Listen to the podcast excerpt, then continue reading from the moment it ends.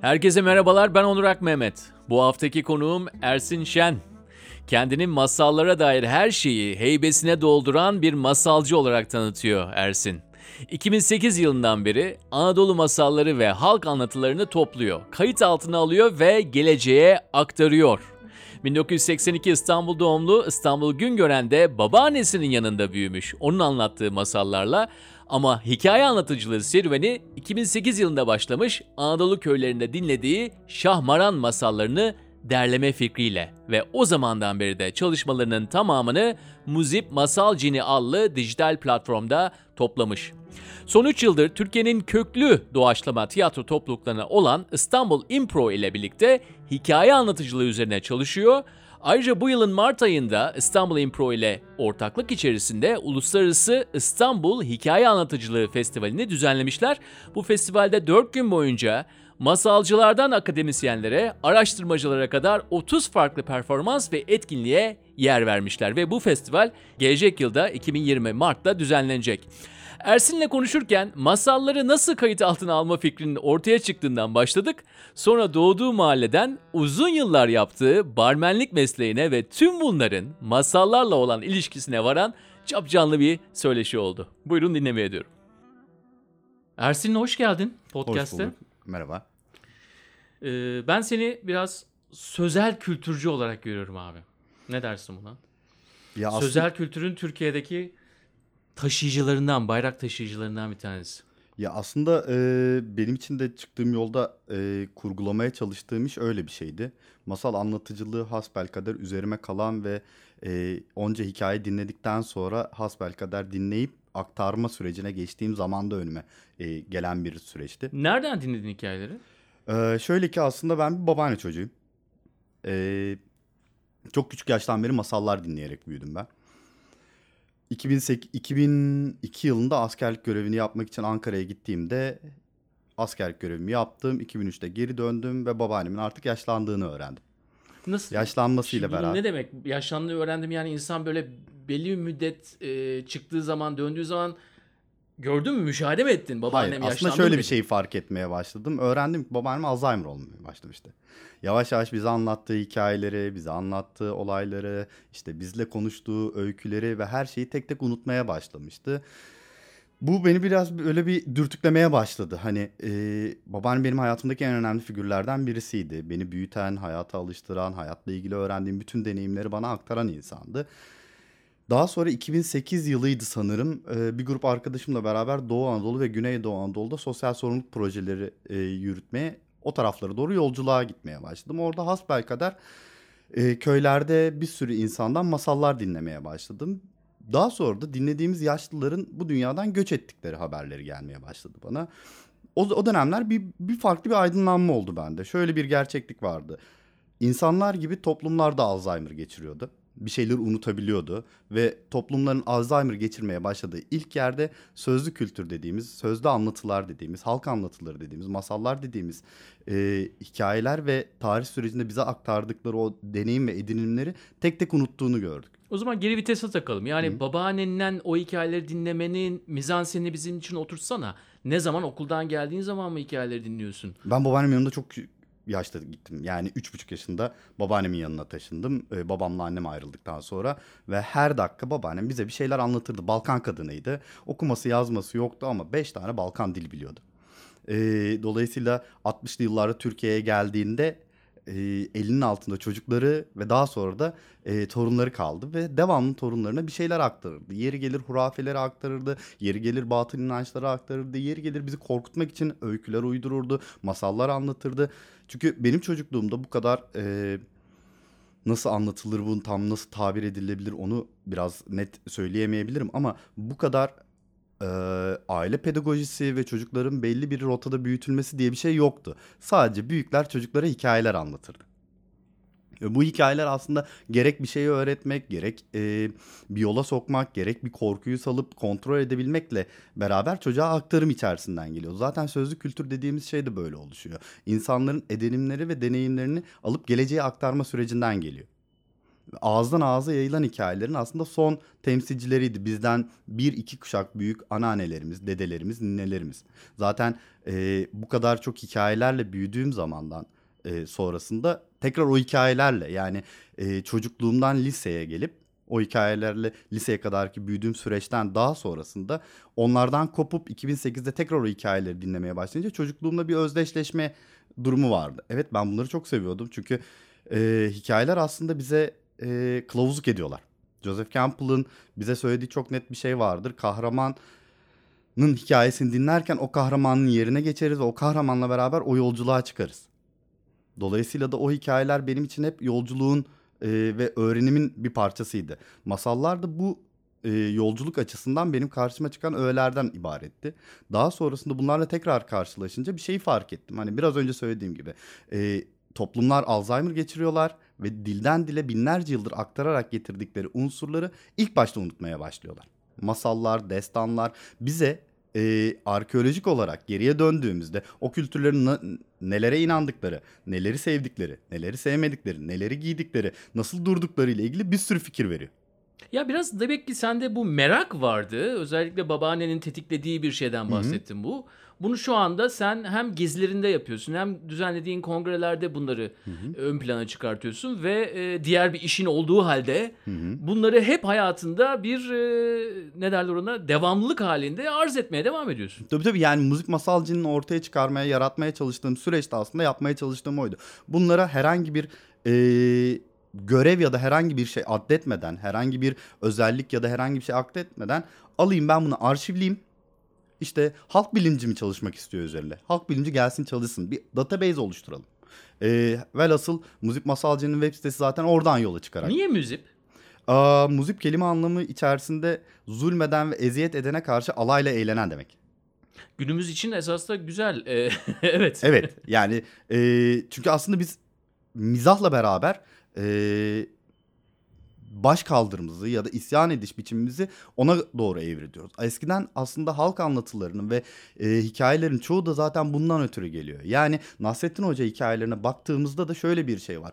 Halk söylemek istediği bir şeyi, baskın rejim karşısında söylemek istediği bir şeyi söylediğinde e, iktidar ya da oradaki kolluk kuvvetleri üzerine geldiğinde ya sen böyle bir şey söylemişsin nasıl söylersin dediğinde direkt savunu olarak bunu ben söylemedim Nasrettin Hoca söyledi der. Ya da bu bunu ben söylemedim bu Yunus'un kıssasıydı der. Yani halk kendi söylemek istediğini bir kılıf olarak addeder. Ee, Pertev Nail Boratav bunun en güzel örneklerinden birisini şunu söylüyor. Köroğlu destanları Anadolu'da yasaklandığı zaman halk Köroğlu destanları kaybolmasın diye %60'ını alır Keloğlan masallarının içine iliştirir.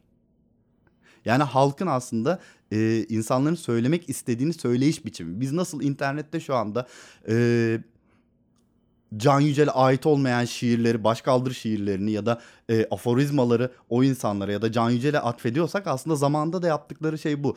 E, şu anda net biliyoruz ki Ömer Hayyam rubailerinin %50'sinden fazlası belki Ömer Hayyam tarafından söylenmemiştir bile. Diyorsun ki bu bir şekilde koruma içgüdüsünden kaynaklanan bir şey. Anonim. Yani zaten bir destanın ya da bir masalın bir şeyin e, masal olabilmesi için ilk şart bu anonim olması gerekiyor. Yani binlerce yıldır ağızdan ağza üretilerek bilinçten bilinçe aktarılarak günümüze getirilmesi gerekiyor. Ben bunlarla ilgili şöyle bir şey düşünmeye başlamıştım. Bir edebiyat eseri yazdığımızda ya da bir sanat eseri yazdığımda diyelim 20 yaşında bir öykü yazdınız ya da şiir yazdınız. Sonra 30 yaşınıza geldiniz ve 30 yaşına geldiğinizde hayattan aldığınız e, edinimlerle beraber o şiire baktığınızda daha da güzelleştirir, değiştirirsiniz. Elinize geldiğinizde o daha da değişir. E şimdi kuşaklar boyu ağızdan ağza gelen her bir bilinçle yeniden e, işlenen ve her bir aktarımla yeniden üzerinde oynanan bir metinden bahsediyoruz. Peki yaptığın aktivitelerde bir sürü insan geliyor. Bunları dinlemeye geliyorlar. Ee, onlarda nasıl bir etki uyandırdığını düşünüyorsun? Özellikle bu dönemde hani belli bir yani baskın bir rejim olduğunu söyleyebiliriz rahatlıkla. İnsanlarda onun böyle bir rahatla, rahatlama mekanizması yarattığını düşünüyor musun bunun?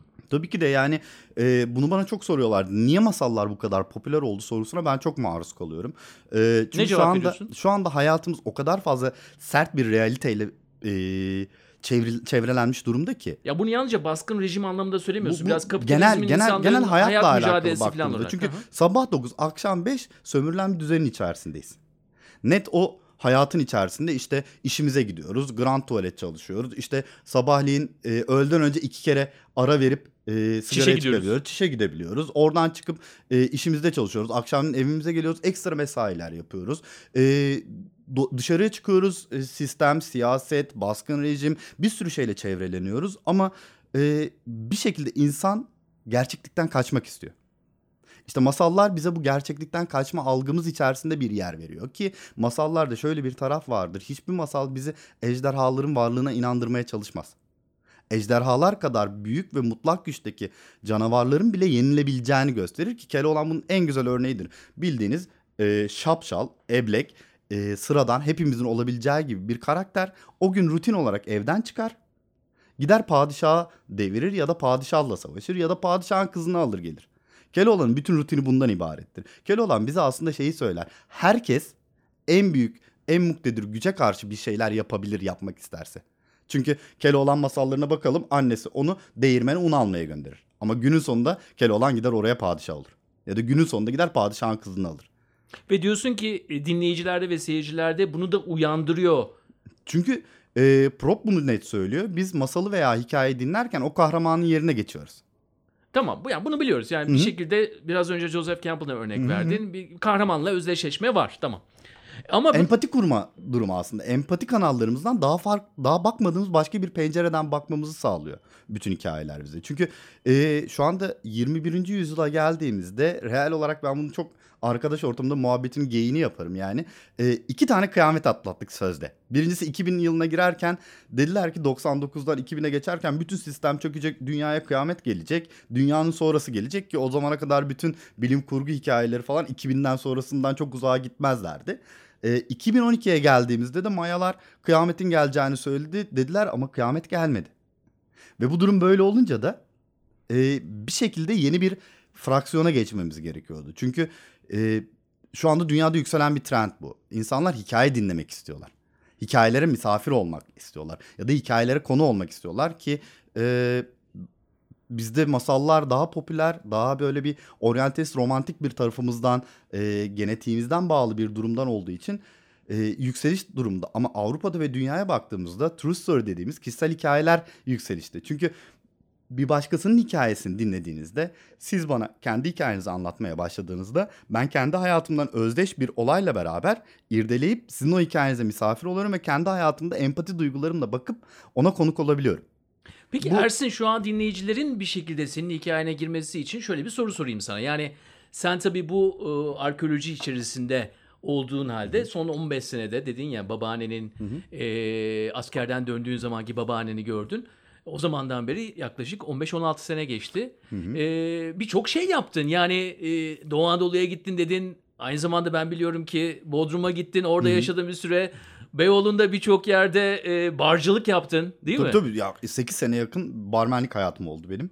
Ee, sanırım 2000 kaç 2008'de falan girdim.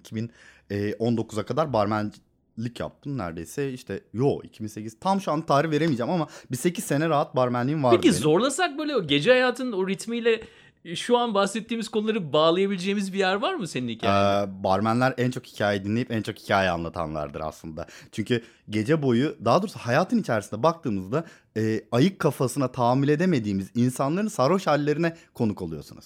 Oraya insanlar hem kendilerini boşaltmak hem kendilerini deşarj etmek hem de eğlenip e, gerçeklik kisvesinden kaçıp yeni bir dünyaya konuk olmak istiyorlar. E, alkol de bunu en çok tetikleyenlerden birisidir ki biz içince çenesine hakim olamayan bir toplumuz. Dolayısıyla da o bar süreci aslında benim o gerçek hikayeleri dinlediğim, kendi içerisinde e, öyküler oluşturabileceğim, bir sürü anlatıda kendi hikayem deyip de o anlatıları ortaya döktüğüm e, bir alan da aslında barmenlik. Uzun yıllar çok severek yaptım. Arkada insanlara içki hazırlamak, onlar için keyifli bir şeyler yapmak, onlarla oturup sohbet etmek en sevdiğim şeylerden birisidir ki hikaye anlatıcılığın en temellerinde iki tane şey vardır. İyi hikaye dinlemeniz gerekiyor, iyi de hikaye anlatabilmeniz gerekiyor. İyi hikaye anlatabilmeniz için hikaye dinlemeniz gerekiyor. Hikaye dinledikçe hikaye anlatmanız gerekiyor. Dolayısıyla da hani bu ikisi birbiri içerisinde çok e, girift bir şekilde örülü. Çünkü ben bar hayatımda çok fazla insan tanıdım ve çok fazla insanla iletişime geçtim. Çünkü şimdi geriye dönüp baktığımda hala arkadaşlarım çoğu o dönemlerden kalma, o dönemlerden hayatıma girmiş insanlardı. Dolayısıyla da aslında bir nevi storytellerlığın başladığı nokta, benim hayatımda hikaye anlatıcılığın başladığı nokta belki vardı. Peki toz koparanı seni götürsem yani biraz e, mahalle hayatında herhangi bir rolü var mıydı bunların? Yani çünkü yaşama güdüsü dediğimiz zaman insanların e, çocukluk zamanında sokaktaki halleri de bir şekilde bir öğrenme var tabii. Tabii. Hem kendini koruma var hem kendini gösterme var. Şöyle bir şey var. Ee, ben çocukluğumda hatırlıyorum. Biz evde eğer oturursaydık çünkü ben mahalle çocuğuyum. Tozkoparan mahalleydi. Ee, o dönemin varoş diyebileceğimiz mahalleleriydi. Hatta şimdinin İstanbul'un da girmeye korkabileceğimiz alanlardan bir yerde. Ama ben tam tersi evde büyüyüp o fanusun içerisinde büyüyen çocuk değildim. Babaannem bizi kıçımıza tokatı vurur evde oturup an bitim olacaksınız diye kovardı. Am bitimi olacaksınız.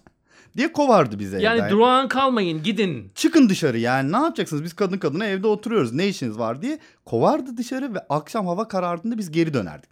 Benim bütün çocukluğum sokaklarda geçti. Dolayısıyla sokakta olunca size bir şeyler öğretiyor. Kendi iletişiminizi kurmayı, kendi sorun çözmenizi, arkadaşlık kurmayı, arkadaşlıklarla bir bağ oluşturmayı sağlıyor. Şimdinin çocuklarının belki de bu kadar e, asosyal olmasının sebeplerinden birisi de o. Cam fanusların içerisinde apartmanlarda büyüyorlar. Dışarı çıkıp hareket edemiyorlar. Peki nasıl bir çocuktun abi sokakta? Toz koparan sokaklarında? Yani Hiperaktiftim. Yani toz koparan hala da İstanbul'da en ağaçlı bölgelerinden birisiydi. Benim çocukluğumda neredeyse bir korulukta yaşıyorduk. Yani ben çocukluğumda erik, elma, şeftali, işte armut, ne bileyim e, ceviz, işte kayısı bunların hiçbirisini manavdan aldığımı hatırlamıyorum. Hatta her bahar bunları yerken cırcır olduğum dönemleri hatırlıyorum. Çünkü e, devamlı ağaçların tepesindeydik. ambiti olmamışsın ama cırcır olmuşsun. Evet oldum yani çünkü sokakta büyüyorsunuz ve bir sürü hastalık geçirdim. Ben eve döndüğümde yara bere içerisinde dönmediğimde seviniyordu evdeki insanlar. Çünkü devamlı düşüp e, bir taraflarımızı kırabiliyorduk, kesebiliyorduk, yaralanabiliyorduk. Çünkü sokaktasınız, hayatın içerisindesiniz. Eğer o yaşlarda hayatın içerisine girdiğiniz giriyorsanız bir şekilde bağ kurabilmeyi, kendi bağınızla beraber o bağın içerisinde ilerleyebilmeyi sağlıyorsunuz. Çünkü ben şu anda herhangi bir yere gittiğimde hiç tanımadığım bir bölgede olsa orada bir bağ kurabiliyorum. Peki sen Doğu Anadolu'ya gittin. Hı hı. Ee, kısaca bize söyleyebilir misin? Hangi aralıklarla oraya gittin? Seni de çok tanımadığın bir bölge. Orada ne gördün? Ya Doğu bizim bildiğimizden çok daha farklı. Bize öğretilen, bize anlatılan hani ben batıda büyümüş bir çocuk olarak hani e, biraz da batılı bir ailenin çocuğu olarak e, bize anlatılanlardan çok farklı. Çünkü bize anlattıkları şey hala da e, sistemin ve hayatın yaptığı, e, hayatın yaptığı ve hayatın içerisinde bize anlattığından çok daha farklı bir yer görüyorsunuz. Ben e, İstanbul'da aç gezebilirim ama Doğu Anadolu'da herhangi bir kapıyı çaldığımda e, misafir edilip doyurulabilirim. Misafir olarak karşılanabilirim, bir şeyleri paylaşabilirler. Eğer bir şey almaya gitmiyorsanız oradaki insanlardan ki çok sert bir e, duruma maruz kalıyorlar. Belki yıllardır, belki uzun zamanlardır. Eğer onlardan olmaya gidebiliyorsanız e, çok içten, çok misafirperver. O bizim tırnak içinde söylüyorum misafirperverliğimizin gerçeğini orada görebiliyorsunuz. Peki gittiğin zaman hikayeleri nasıl topluyorsun orada? Ee, insanların, tanımadığın insanların kapısını çalıp bana hikaye anlatma diyorsun. Aslında bir nevi öyle oluyor. Yani hani e, Doğu Anadolu'ya uzun zamandır gitmedim ama şu sıralar Trakya ve e, Kırklareli o bölge için uğraşmaya başlıyorum. Öncesinde bir fizibilite çalışması yapıyorum. Yani e, bunlar için en ideal yerler köy kahvehaneleri ve e, muhtarlar. Gidip onları sormaya başlıyorsunuz. Yani ben masal dinlemek istiyorum, hikaye dinlemek istiyorum. Kimin hikayesi var? Dediğinizde illa birileri çıkıyor. Çünkü ee, biz geçen sene festivali yaptığımızda Uluslararası Hikaye Anlatıcılığı Festivali yaptık geçen sene Mart ayında ki her sene bunu devam ettireceğiz. İki tane geleneksel anlatıcı getirdik. Bir tanesi Aşık Erzade'ydi. Ozanlık ve halk aşıklığı geleneğinden geliyordu. Diğeri de e, Sebri Egri diye bir Ağrılı Dengbej'di. Dengbej de e, Kürtlerin halk anlatı biçimleri.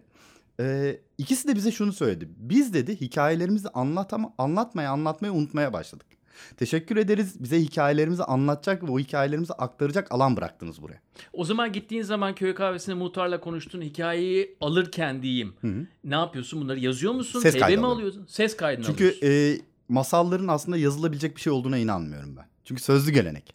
Onu yazıya döktüğünüzde bir edebiyat formuna geçiriyorsunuz. Yani edebi bir anlatı biçimine getiriyorsunuz. Ama benim yapmak istediğim şey oranın o formunda ayakta kalması. Yani müzik masalcında düşündüğüm aslında arşiv yapısı o. Türkiye'nin her yerinden, her bölgesinden işte 80 yaşındaki bir Zehrani'nin ağzından onun anlattığı masalı onun anlattığı biçimde kaydetmek.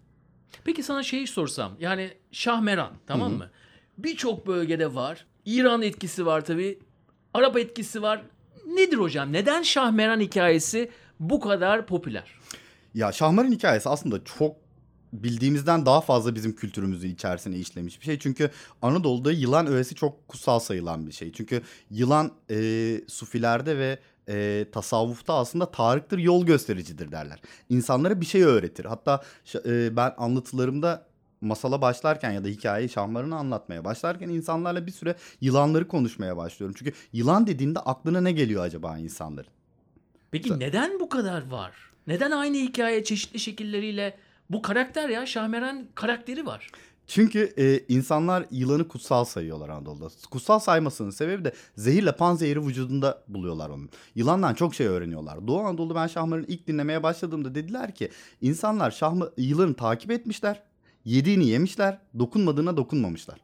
Tamam yani bir şekilde zehirin ve panzehirin o vücutta bulunmasından dolayı onu bir yol gösterici olarak görüyorlar. Tabii tabii ilmi, ilmi, ilmi kimya dediğimiz bu farmakoloji dediğimiz şey yani bitkiden bilim yapma dediğimiz şey aslında yılanla beraber başlıyor. Hatta bizim tıpta ve eczanede gördüğümüz o yılanın oraya girmesinin sebebi de bu. Çünkü ilk ilaç dediğimiz şey yılanla beraber başlıyor. Ama e, reel olarak baktığımızda hani folklorik açıdan baktığımızda Anadolu'da tarlada yani Anadolu bir tarım toplumu aslında. Tarlada yılan varsa ürüne hiçbir zaman e, zararlı e, küçük kemirgenler işte fare gibi ya da böcekler gibi bir şey tarlaya dadanamaz. Ama aynı zamanda yerin altından gelen e, bilinmeyen bir diyardan gelen çelimsiz bir canlı var.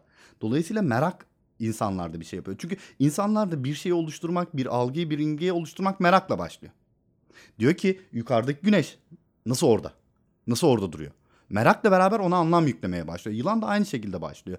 Ee, ben çok uzun zaman boyunca yılanı merak ettim. Neden bu kadar kutsallaşıyor? Çünkü her kültürde var. Anadolu'da şahmaran olarak var. Hindistan'a gidiyorsun Krishna'nın yanında var. Öbür tarafta Yunanistan'a gidiyorsun Medusa'nın yanında var. Gerek Musa'ya gidiyorsun Musa peygamberin asasında var. Yani her yere gittiğinizde bir yılan öğesi var. Çünkü bilinmeyen bir yerden gelip yerin altından gizli karanlık bir dünyadan gelip yerin üstüne çıkıyor. Gılgamış hikayelerinde e, Gılgamış'ın bulup yeryüzüne indirmeye çalıştığı ölümsüzlük otunu yiyip ölümsüz olduğuna inanılıyor ki yılan her sene gömlek değiştirdiği için o kılığını ve kıyafetini değiştirdiği için insanlarda bu hayvan bu canlı ölümsüz aslında fikri oluşturuyor. Çünkü hem e, şifa veriyor hem de ölümsüz. Peki sana şunu sorsam yani merak tarafını anlıyorum. Ama Ersin'e baktığımız zaman bu masallar sayesinde acaba herhangi bir güçlükten e, kurtulmak, onu alt etmek için masalları kullandığı bir durum oldu mu? Ya aslında hikayeler sadece Bana somut olarak bir örnek verebilir misin? Onur der misin işte şu yıllarda şu yani şunla yaptım, bununla iştigal ediyordum masallar sayesinde. Çünkü hepimiz esas da tamam tanrısal bir öğe kullanmasak bile masallarda genelde ne oluyor? Yani bir e, ders var yani değil mi Var hocam? tabii ki de. Yani hani- Sen peki herhangi bunlardan yararlanıp ne bileyim masallarla bir güçlüğü aştığını söyleyebilir misin? ya söyleyemem o çok büyüklenme olur aslında. Yani çünkü Büyüklenme olur. Tabii tabii büyüklenme olur. Çünkü masallar bizi hani hayal aleminde gezdirdiği için değildir aslında güzel olma tarafı. Bizi aslında e, mutlak güce karşı bir şeylerin çözülebileceğini gösterme biçimindedir. Yani hiçbir masalda mesela kötüler kazanmaz. Dolayısıyla da aslında dünyada da kötüler kazanmaz. Yani Gandhi'nin söylediği bir cümle vardır. Çok da severim aslında. Hani e, bir zaman boyunca kötülerin yenilmeyeceğini düşünebilirsiniz ama bir süre sonra onlar illa yenilecektir. Sonsuza kadar baki kalan bir kötü yoktur. Nemrut da yok oldu gitti. İşte Hitler de yok oldu gitti. X de yok olup gidecek. Y de yok olup gidecek. Dolayısıyla da aslında bunlar baki kalmayacak. Sen dirayetinle beraber oradan devam edebilmekle alakalı bir şey. Ama yine aynı soruyu soracağım galiba. Sende evet. nasıl bir değişiklik oldu? Yani bu yola girdiğinden beri sen nasıl bir adamsın? Daha çok empati yapabiliyorum. Çünkü masallar aslında daha çok empatiyi irdeliyor. Yani bir olayla karşılaştığınızda salt, küt, motomot bir yorum vermekten ziyade oturup düşünüp, yorumlayıp empati duygusu içerisinde ben olsam ne yapabilirdim? Ben olsam nasıl çözerdim diye empati duygularımı geliştirebilecek e, bir kapıyı açmış olabilir diyebilirim. En çok bendeki işleyen tarafı aslında o. Yani masal bende neyi açtı, ne yaptı sorusunun en temel sebebi empati duygumu geliştirir. Çünkü aslında dünyada en çok ihtiyacımız olan şeylerden birisi bu empati duygusu. Şimdi biz iki kişi karşı karşıya oturuyoruz ve birbirimizi tanımıyoruz. Ee, aynı masalı dinlediğimiz zaman da değişik şekilde onu yorumlayabiliriz. Tabii çünkü aslında öyledir. Çünkü e, masallarda öyle bir gerçeklik de var. Öyle bir durum da var. Çünkü e, masal size bütün detaylarıyla vermez. Kaba taslak anlatır hikayeyi. Dinleyici kendi kafasında kurar. Yani ben ikimiz oturduğumuzda Şahmaran'ı dinlediğimizde benim hayal ettiğim Şahmaran farklı olur. Senin hayal ettiğin Şahmaran farklı olur. Herkes kendi penceresinden bakar. O yüzden zaten e, hikaye anlatıcılığı dediğimiz şey bu kadar güzel. Çünkü insana e, bütün detaylarıyla hayal edecek şey, hayal edebilecek alan bırakmamak gibi bir işlevi yok. Az detay verir, daha çok hayal etmesini sağlar. Çünkü tüm detayları verdiğinizde beyin tembelleşir. Hiçbir şeyi hayal etmez. Ama az detay verdiğinizde orada beyin hayal etmeye başlar. Burasında ne vardı, şurasında ne vardı, şurası böyleydi. Atıyorum işte e, Camusan yerin altına girdi, bir kuyudan çıktı. E, karşısında gürleyen bir ses duydu. Kaldırdı kafasını, baktı. Elleri yılan, ayakları yılan, saçları yılan, belden aşağısı yılan, güzeller güzeli Şahmaran'la karşılaştı. Dediğimde bunun üzerindeki ne bir rengi bilirsiniz ne bir detayı bilirsiniz. Ellerin nasıl yılan olduğunu, saçların nasıl yılan olduğunu, o yılanların nasıl olduğunu siz oturup kendiniz hayal edersiniz. Temeli verir, size hayali bırakır. O yüzden belki de e, bu kadar çok empati duygusunu e, nasıl söylenir? Empati duygusunu besleyen bir tarafı var masalların ve hikayelerin. E, hikaye anlatıcılığının bu kadar artmasının sebebi de belki bu. Empati duygularımıza dokunuyor. Yani biz sanırım matbaanın icadıyla beraber sözlü kültürden uzaklaşıp yazılı kültüre geliyoruz. Ee, ve şu anda internetle beraber ikinci yazılı ikinci sözlü kültüre geçiyoruz. Çünkü daha çok hikayelerle dönüyoruz. Hikayeler anlatıyoruz ki Instagram ya da Facebook gibi alanlarda bakın hala storylerimiz var. Yani hikayelerimiz var. Ee, şu anda üçüncü sözlü kültürden bahsediyorlar yeni bir anlatı biçiminin olduğu. Yani insanların artık bir şey anlatmak istediği ve anlatı dinlemek istediği. O yüzden de mesela YouTube şu anda patlamış durumda. İnsanlar oraya hikayeler koyuyorlar, olaylar koyuyorlar.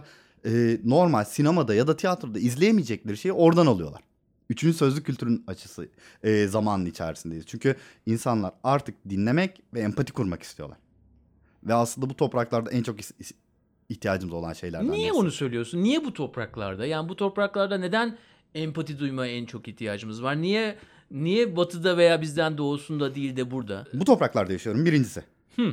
Batı'da ya da Avrupa'da, Amerika'da yaşamıyorum. Bu topraklarda doğdum ve bu topraklarda büyüdüm. Bu toprakların bir yerinde doğdum, büyüdüm. Diğer toprakları bana anlatıldı. Daha ki gidip onları görene kadar onların ne yaşadığını, ne yaşamış olabileceğini hiç bilmiyordum. Ve biz gerçekten de hiçbir şekilde bunları bilmiyoruz. Biz birbirimize o kadar yakın ve o kadar uzak bir haldeyiz ki o insanın o durumda ne olduğu, neden bunu yaptığına karşı hiçbir fikri sahip değiliz. Kalın, sert, motomot kendi görüşümüzden oluşan onlar böyle biz böyleyiz. Onlar böyle biz böyleyiz. Onlar şu biz böyleyiz'e gidiyoruz. Hatta en son dönemin en böyle e, rahişte konularından birisi terörist, vatan haini bilmem neci diye yaftalayıp gidiyoruz. Ama neden sonuç ilişkisini hiç düşünmüyoruz. O aslında bu yüzden as e, empatiye en çok ihtiyacımız olduğu durum. Çünkü bir başkasının hikayesini bilmeden kendi hikayemiz içerisinde dar kafalılığımızda bakıp diyoruz ki bu yanlış. İster bunu e, kaba taslak söyleyeyim yani tırnak içinde söyleyeyim. İster bunu sağ fraksiyondan bakalım ister sol fraksiyondan bakalım. Herkes kendi at gözlüğünden bakıp karşısındakinin hikayesine misafir olmadığı için onun hikayesini bilmediği onun hikayesiyle kendini özdeşleştirip eşleyemediği için ötekileştiriyoruz. Ve bu topraklardaki en büyük sıkıntılarımızdan birisi bu belki de hani ötekileştirme. En çok yaptığımız şey bu.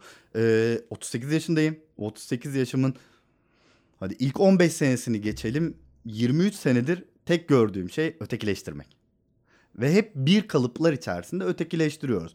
Dinsizi, ateisti, solcusu, komünisti, teröristi, vatan haini, vatan sevicisi, muhafazakarı bilmem nesi falan filan diye ötekileştiriyoruz. Ama sen onu oraya getiren süreci biliyor musun? Onun duygusunu biliyor musun? Neden olduğunu biliyor musun? Ondan sonra yargılayabilirsin. Hiç bilmeden yargılamak bizim bu topraklarda en çok yaptığımız işlerden birisi. Peki sen bu süreçten geçmiş olan sen rahatlıkla artık insanlarla oturup çok farklı e, geçmişlerden gelmiş, çok farklı inanışlara sahip insanlarla rahatlıkla oturabilir bir halde buluyor musun kendini? Onu yapmaya çalıştığımı söyleyebilirim. Çünkü oldum ve ben artık buyum diyebilmek çok büyük yanılgıya düşürebilir insanı. Bir anda bir şey olur ve kendi egomla beraber ne kadar törpülemeye çalışsam da kendi egomla beraber bir şey olur ve o lafımı yutarım. Gene saçma bir tepki verebilirim. Çünkü ister istemez ben belli bir fraksiyon, belli bir kültür, belli bir bilinç aktarımıyla büyüdüm. Ve ne kadar törpülemeye çalışırsam çalışayım e, şu anda kesinlikle evet oldum ben o empatiyi yapı, yapıyorum desem yarın öbür gün o lafı yutarım ve tamamen yerli eksan olabilirim. Yani Ama olmaya çalışıyorum. Ama e, eskilerin dediği gibi e, bir dinle iki sus. İki sus bir düşün. Ondan sonra ağzını aç ve konuşmaya başla. Çünkü oradan sonra bir şey olabilir. Hemen aklıma geldiği gibi ortaya döküp konuşmak yerine düşün, dinle, içinde ne oluyor? Ondan sonra ağzını aç konuş. Çünkü öbür türlü çok rahat bu dünya herkese lafını yutturabilir. Çok güzel bir cevap bence. Babaannen hayatta mı? Hayatta.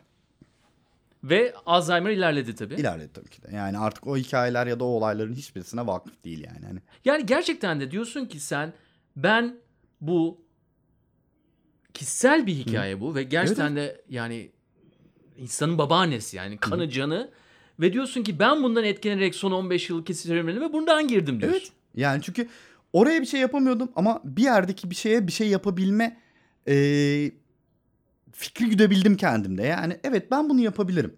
Benim hayalim de bu olabilir. Yani işte siteyi açtığımda, yayına başladığımda, ses yayınına başladığında site belki 300-500 yıl sonra bir çocuk girip de Müzik Masalcı'nın sitesine tıkladığında Edirne'de 2019 yılında yaşamış 80 yaşındaki Zehra annenin anlattığı masalı onun ağzından dinleyebilir. Yapısı olarak kalabilir. Sen profesyonel hayatı olan bir insansın ve gündüzleri çalışıyorsun tabii. Ee, ne, ne iş yaptığını bize söyleyebilir misin? Tabii dijital medya uzmanıyım ben. Markaları dijital medyada danışmanlık veriyoruz. Bir halkla ilişkiler ajansında e, markaların dijital medya danışmanlığını yapıyoruz. Hem sosyal medyada hesaplarını yönetip hem web sitesinin içeriklerini oluşturup hem de dijitalde nasıl bir strateji iz- iz- izleyecekleri üzerine projeler yapıyoruz. Şimdi bu çok çok yani zamanın mesleğini yapıyorsun sen aynı aslında zamanda. bir nevi hikaye anlatıcılığı da. Yani e, benim bardan e, dijital medyaya geçiş serüvenim de buradan başlamıştı. Yani ben artık 35 yaşına falan gelmiştim. 3 sene önce dijital medya uzmanlığına geçtim. 35 yaşına gelmiştim ve bardan sonra ben ne yapacaktım? Yani bir 10 yıl sonra barmen olarak mı devam etmek istiyordum? Ya da hayatımı nasıl kuracaktım diye düşünürken e, keza Facebook'ta gezerken bir e, kurs reklamı gördüm ve baktım içeriğine. Evet yani dijital medya çünkü elimde bir müzik masal cini var.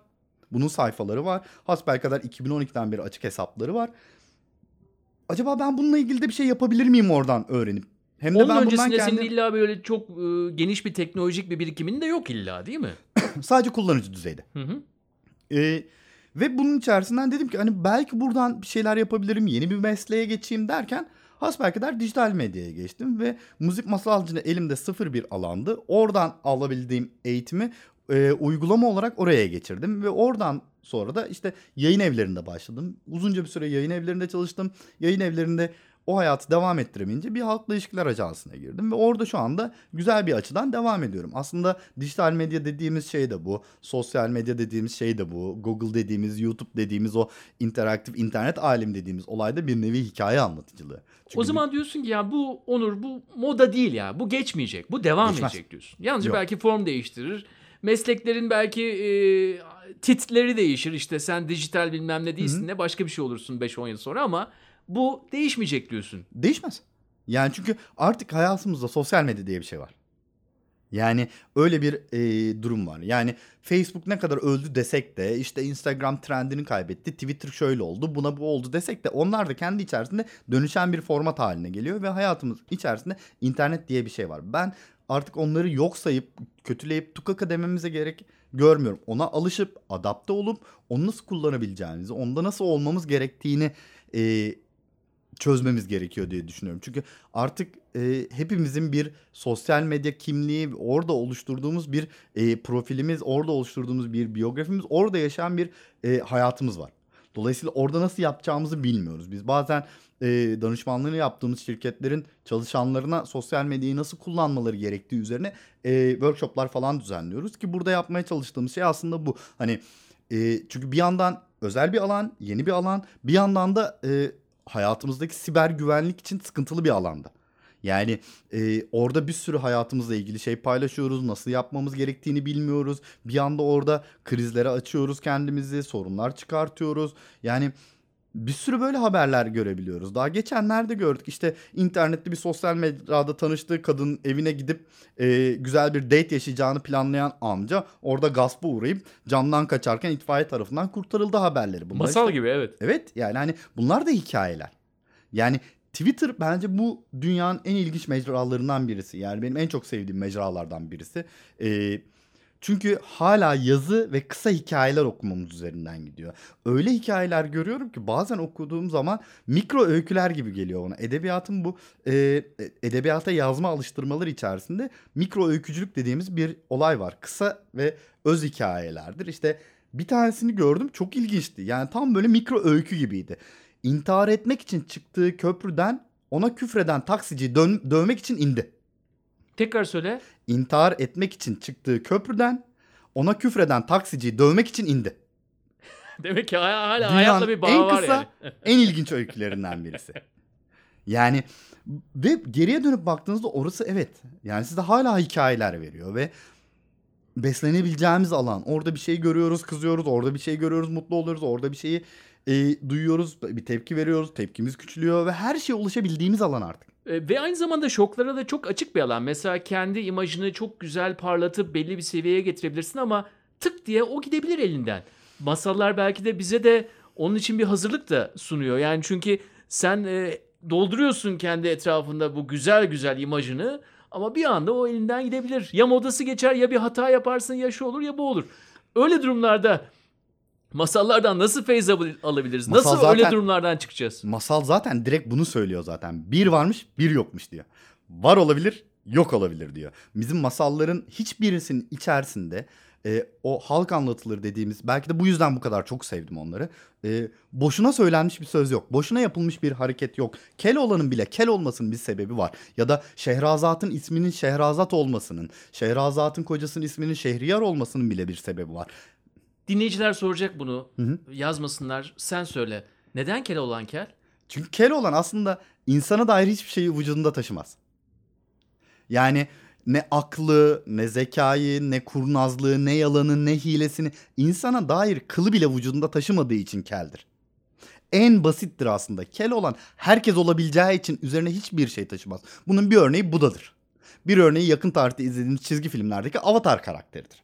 Bir örneği kel olandır. Hepsi aynı kelliktedir. Çünkü e, herkes olabilme durumundadır. Şehrazat'ın ismi şehri azat eden demek.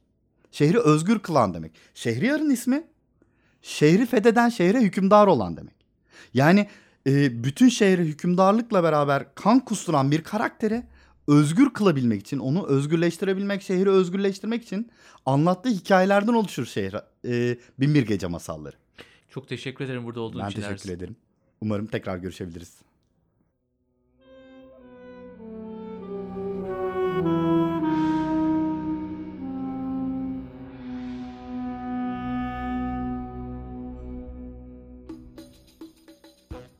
Ersin'in anlattıklarından en çok ilgimi çeken şu oldu. Birçok anlatıcıdan farklı olarak masallara uhrevi anlamlar veya mistik hayatı değiştiren mesajlar yüklemekten kaçınıyor.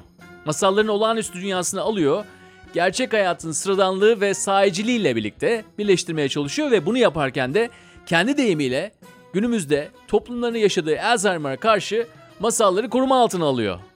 Bizi de bence masallar sayesinde koruma altına almış oluyor.